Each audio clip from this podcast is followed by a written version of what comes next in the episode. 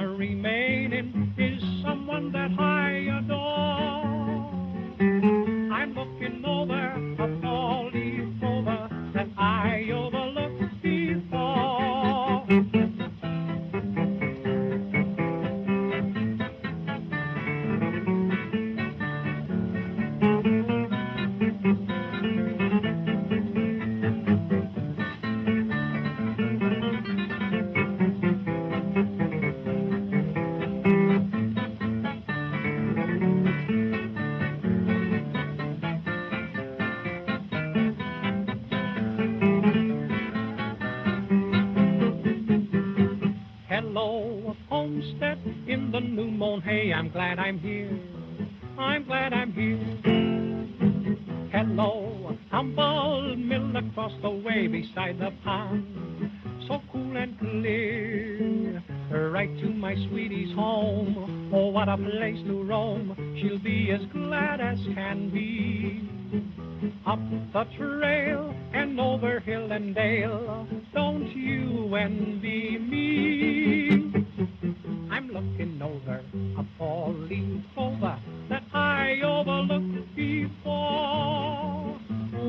Is sweetheart, the second is dad.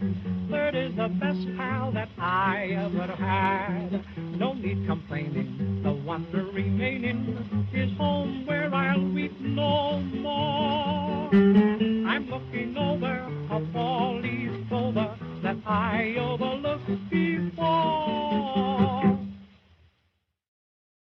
Komiði sæl, það var Nick Lucas sem söng hér á undan I'm looking over a four-leaf clover eða Ég virði fyrir mér fjögur að laufa smára, lag eftir Harry M. Woods við texta eftir Mort Dixon. Hljóriðtunin er frá árinu 1927 en þá var söngurinn Spánýr. Nýjárskort voru bísna algeng á fyrri árum og sjást stundum ennþá. Þegar gömul nýjárskort eru skoðuð, tekum aður fljótt eftir ýmsum táknum og merking þeirra liggur ekki alltaf í augum uppi. Fjöguralaufa smári, berserkjasveppur, sótari, marjubjalla, svín, skeifa, algengt er að þetta príði gömul nýjáskort. Á einu korti sjást fjöguralaufa smárar og marjubjöllur í kringum dagatal sem sínir 1. janúar. Á öðru korti er barn í sótaragerfi og heldur á risastórum berserkjasvepp. Á þriðja kortinu er hópur barna á skautum og fremsta stúlkan veifar skeifu sigri rósandi. Á fjórða kortinu má sjá glottandi svín rógast með skeifu sem er álíka stór og það sjálft og þannig mætti lengi telja. Hvað táknar þetta alls saman? Skeifan og fjöguralaufa smárin geta kannski gefið nútíma fólki í vísbendingu því enn þann dag í dag kannast margir við þá hjátrú að skeifa færi mönnum gæfu og þið sama á við um fjöguralaufa smára. Þetta á við um öll táknin á gömlum nýjárskortum, í þeim er fólkin ósk um gæfu og velmegun á nýja árinu. Í þessum þætti verður búið til nýjárskort í tónum, litið verður á táknin á gömlum nýjárskortum og leikinn tónlist sem tengist þeim. Upphafslag þáttarins var að sjálfsögðu helgað fjögur að laufa smáranum. Ymsar skýringar hafa verið gefnar á því að hann skuli vera tengdur gæfu, en líklegasta skýringin er svo að mönnum hafi þótt eitthvað undursamlegt við svo sjaldgæfa plöntu. Fjögur að laufa smári er ekki sérstök jurt, heldur afbreyði sem stökusinnum sést innan um þryggjalaufa smára. Á bensku árum mínum heyrði ég sagt að fjöguralaufa smári færði manni eina ósk og í samræmi við það óskaði ég mér í hverskipti sem ég fann þess áttar smára. En hvers vegna er sótari talin bóða gæfu? Ekki ber öllum skýringum saman um ástæðuna fyrir því. Einn skýringin er svo að það hafi verið talið merki um hefni að þeir skildu geta unnið uppi á húsþökum á þess að detta niður.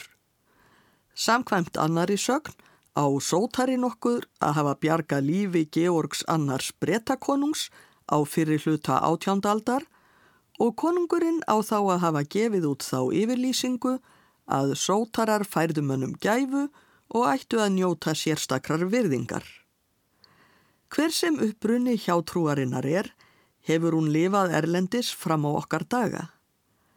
Í sögunni Mary Poppins opnar dyrnar sem P.L. Travers samti árið 1943 kemur fyrir sótari sem er alveg handvis um það að hann geti fært fólki gæfu með því að taka í höndin á því og það er engu líkara en orð hans sannist samstundis. Afsakið ónaðið, sagði sótarinn glaðilega og dró pókan sinn og soplana inn í húsið. Hver er komin?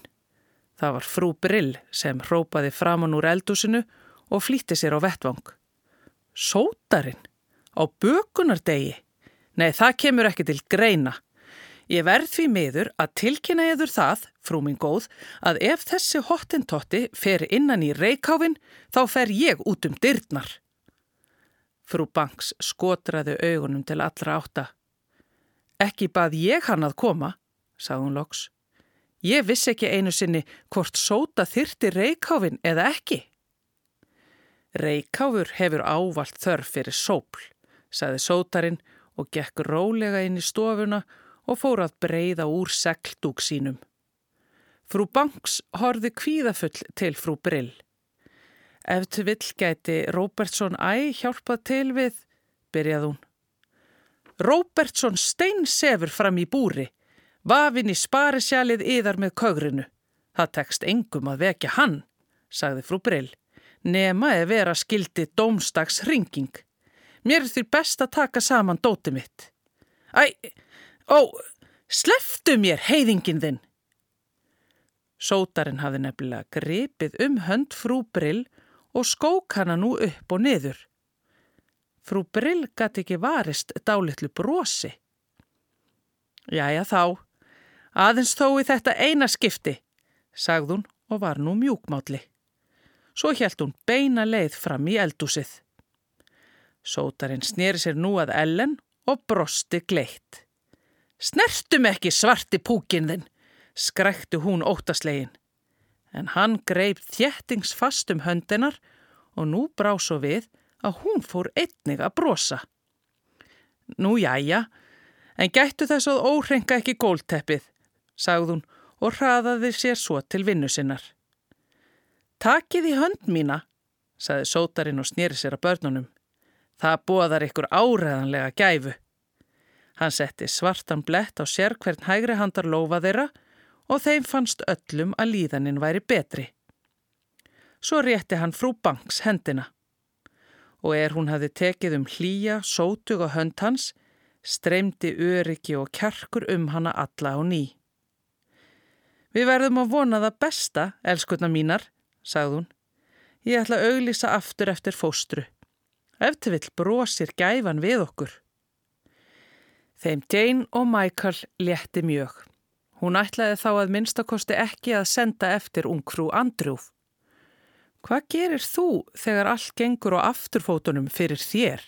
spurði Jane og eldi sótaran inn í stofuna. Ó, ég teka aðeins í hendina á sjálfu mér, sagðan kankvíslega og fór að íta sóplinum sínum upp í reikháfinn.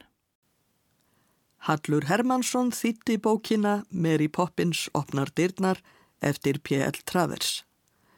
Þegar kvikmynd var gerð eftir Mary Poppins sögunum árið 1964 var personu sótarans slegið saman við aðra personu í bókunum, Bert Elspítnasala, sem er náinn vinur Mary Poppins. Bert er látin stunda margvíslega atvinnu í kvikmyndinni en sömadaga er hann sótari. Eins og sótarin í bókinni leggur hann mikið upp úr hefni sótara og um það syngur hann söngin Chim Chim Chiri. Við heyrum nú söngin eins og hann hljómar í myndinni. Dick Van Dyke er í hlutverki Birds, Karen Dottris og Matthew Garber leika börnin Jane og Michael og Julie Andrews er í hlutverki Mary Poppins.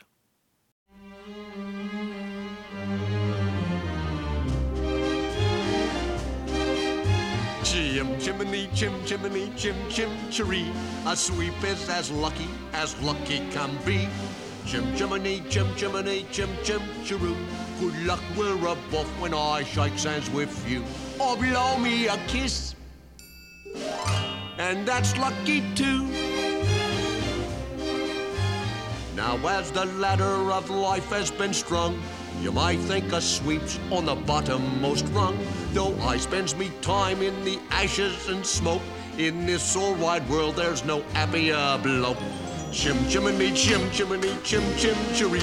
A sweep is as lucky as lucky can be. Chim chimney, chim chimney, chim chim chiroo.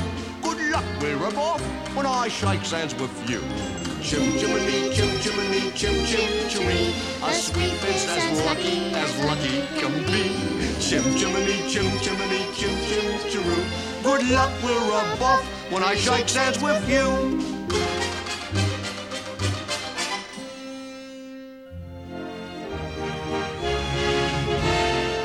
I choose me bristles with pride, yes I do. A broom for the shaft and a brush for the flue.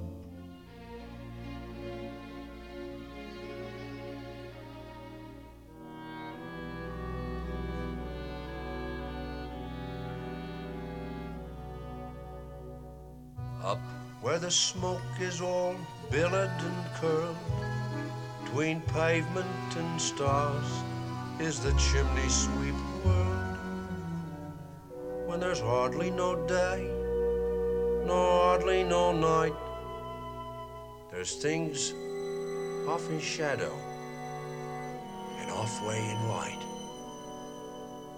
On the rooftops of London,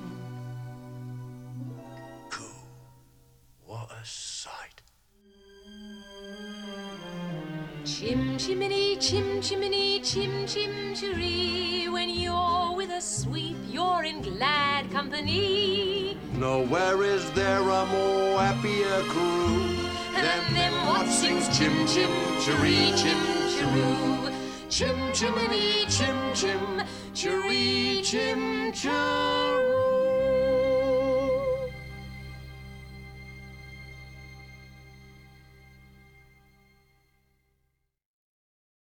Dick Van Dyke, Karen Dottridge, Matthew Garber og Julie Andrews sungu lagið Chim Chim Cherry eftir Richard og Robert Sherman.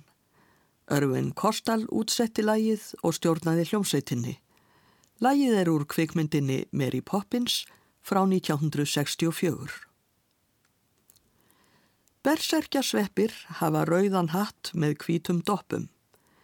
Eins og áður sæði eru þeir taldir gæfumerki og sjást því oft á nýjáskortum. Talið er að þjóðtrúin stafi af því að neysla sveppanna getur valdið ofskinjunum. Á fyriröldum tengdu menn þessar ofskinjanir við töfra og því fór það orð af sveppunum að þeir hefðu töframátt. Í Disney teiknimyndinni Fantasíu frá 1940 má sjá berserkjasveppi dansa við tónlist úr ballettinum Notubrjóknum eftir Pjótr Tchaikovski. Í ballettinum heitir þessi dans Te, kínverskur dans og berserkjasveppirnir í teiknimyndinni sínast hafa andlit með skásett augu. Líklega hefur hattur berserkjasveppanna mynd teiknimyndahöfundin á strítumyndaða hatta sem notaður eru í Asíulöndum.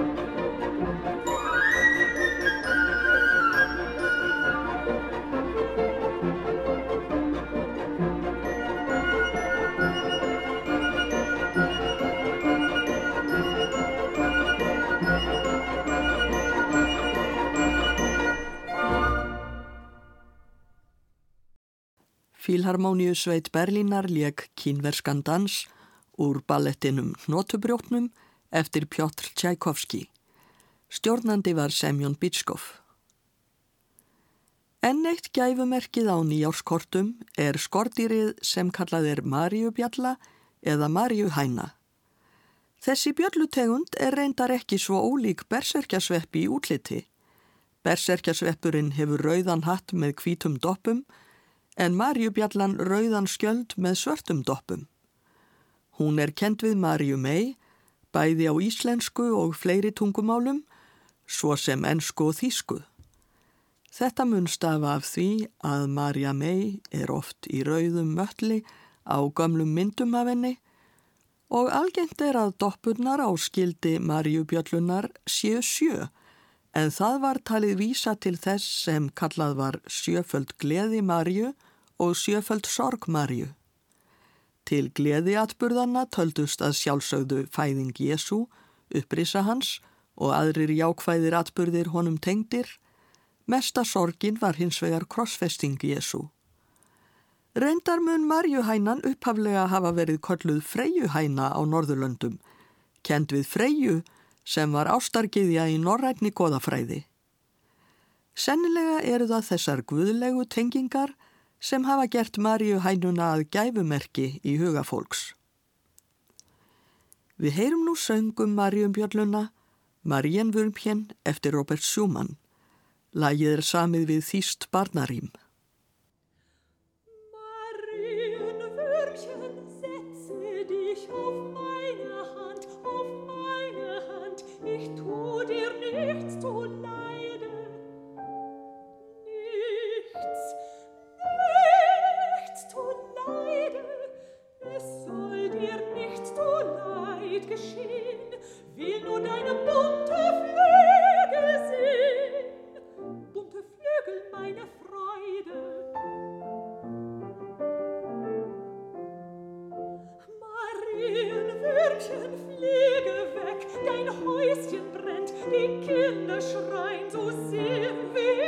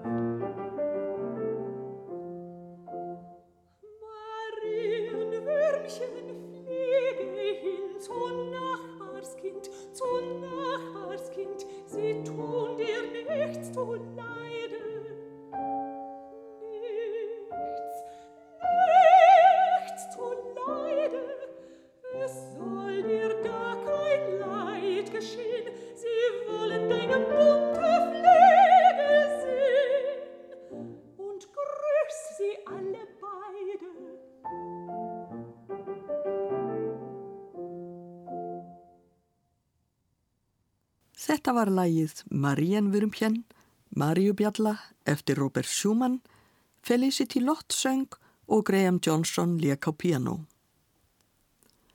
Skeifa er alþekkt gæfumerki.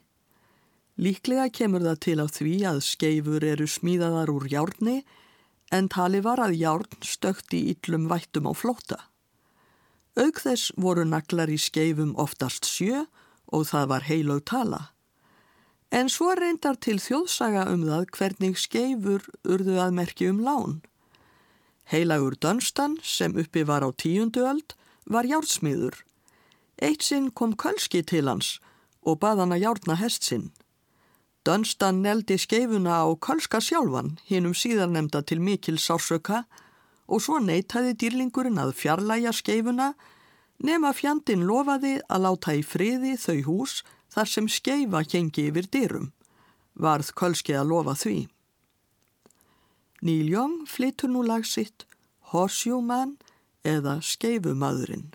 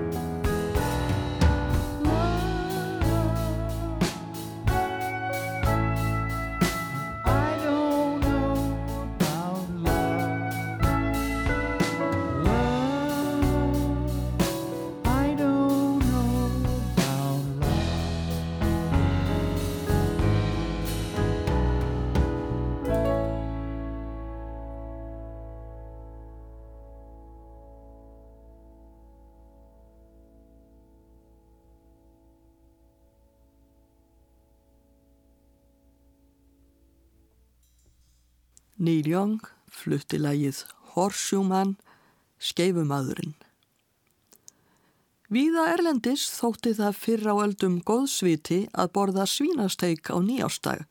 Það átti að tákna að matur yrði nægur á nýja árinu, enda svín, feit og matarmikil. Þess vegna sést svín á svo mörgum nýjáskortum. Á þýsku er talað um glukksvæn eða heillasvín og hægt er að kaupa litla marsipangrísi um nýjársleitið. Marsipangrísir eru reynda líka algeng möndlugjöf um jólinn í Danmörku. Við heyrum nú norst þjóðlag um grís sem var sérlega mikil vexti, den stúre grísen. Hljómsveitin Búkane Brúse útsetti lægið og flytur það.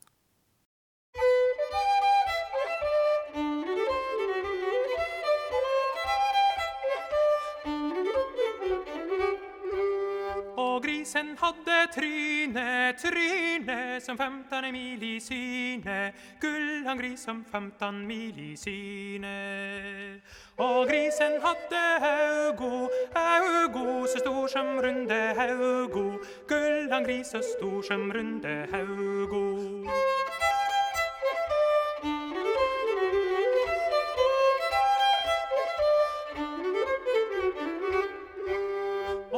Grisen hadde håbe, håbe så stor som presta stove. Gullan gris så stor som presta ståbe. Og grisen hadde buste, buste så tjukk som ei kviste. Gullan gris så tjukk som ei kviste. Og grisen hadde føtter, føtter som tjukke ei røte. Gullan gris som tjukke ei røte.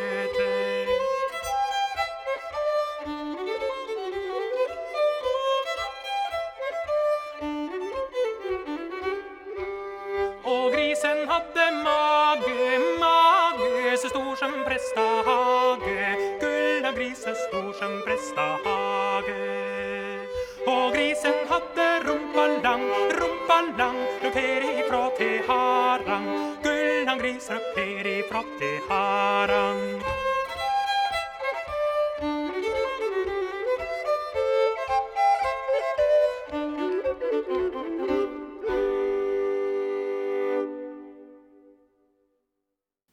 Bukunni Brúse fluttu norska þjóðlægið og þjóðvísuna Den stóri grísen, Stóri grísin. Sum tákn á nýjárskortum eru auðskildari en þau sem hér hafa verið talin upp. Á gamlum nýjárskortum má til dæmis oft sjá hrúu af blikandi gullpenningum sem eiga að tákna nægan auð á nýjárinu. Við heyrum nú arjuna um peningana sem Rocco syngur í óperunni Fidelio eftir Ludvík van Beethoven. Hinn ungi Fidelio og Marcelina, dóttir fangavarðarins Roccos, eru trúlofuð. Rocco gamli segir að þau haldi kannski að þau geti lifað á eintómri ást, en það dugi nú ekki. Þau verði líka að eiga svo litið að peningum. Lukkan vil fá borgað í peningum eins og aðrir, segir hann. Það er Matti Salminen sem syngur Arju Roccos, Hat man nicht auch Gold beneben, en maður á ekki peninga. Symfóníu hljómsveit Lati leikur og er í klas stjórnar. Hat man nicht auch Gold bei Neben, kann man nicht ganz glücklich sein. Traurig schleppt sich fort das Leben, manche Kummer stellt sich ein, manche Kummer stellt sich ein.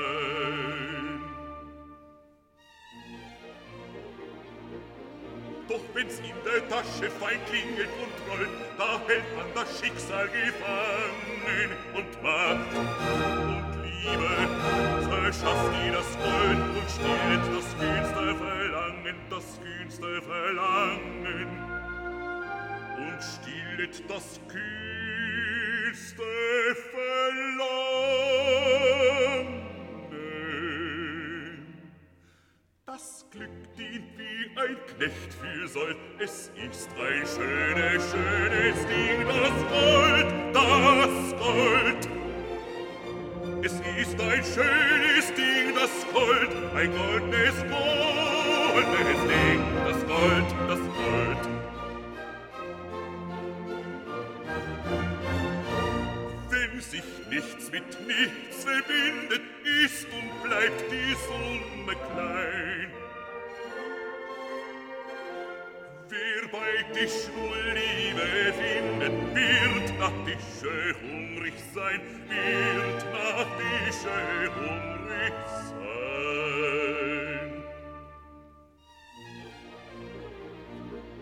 Drum lehnet zu, weil euch gnädig und hold und segne und lenkt euer Streben, das Liebchen im Arme, das Liebchen im Arme, im Beutel das Gold, so mögt ihr vier Jahre durchleben solet il filiare durch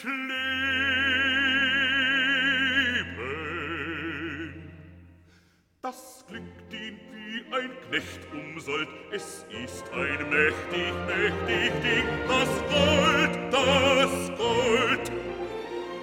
Es ist ein mächtig Ding, das Gold, ein mächtig Ding, das Gold, das Gold. Ein mächtig Ding, das Gold, das Gold.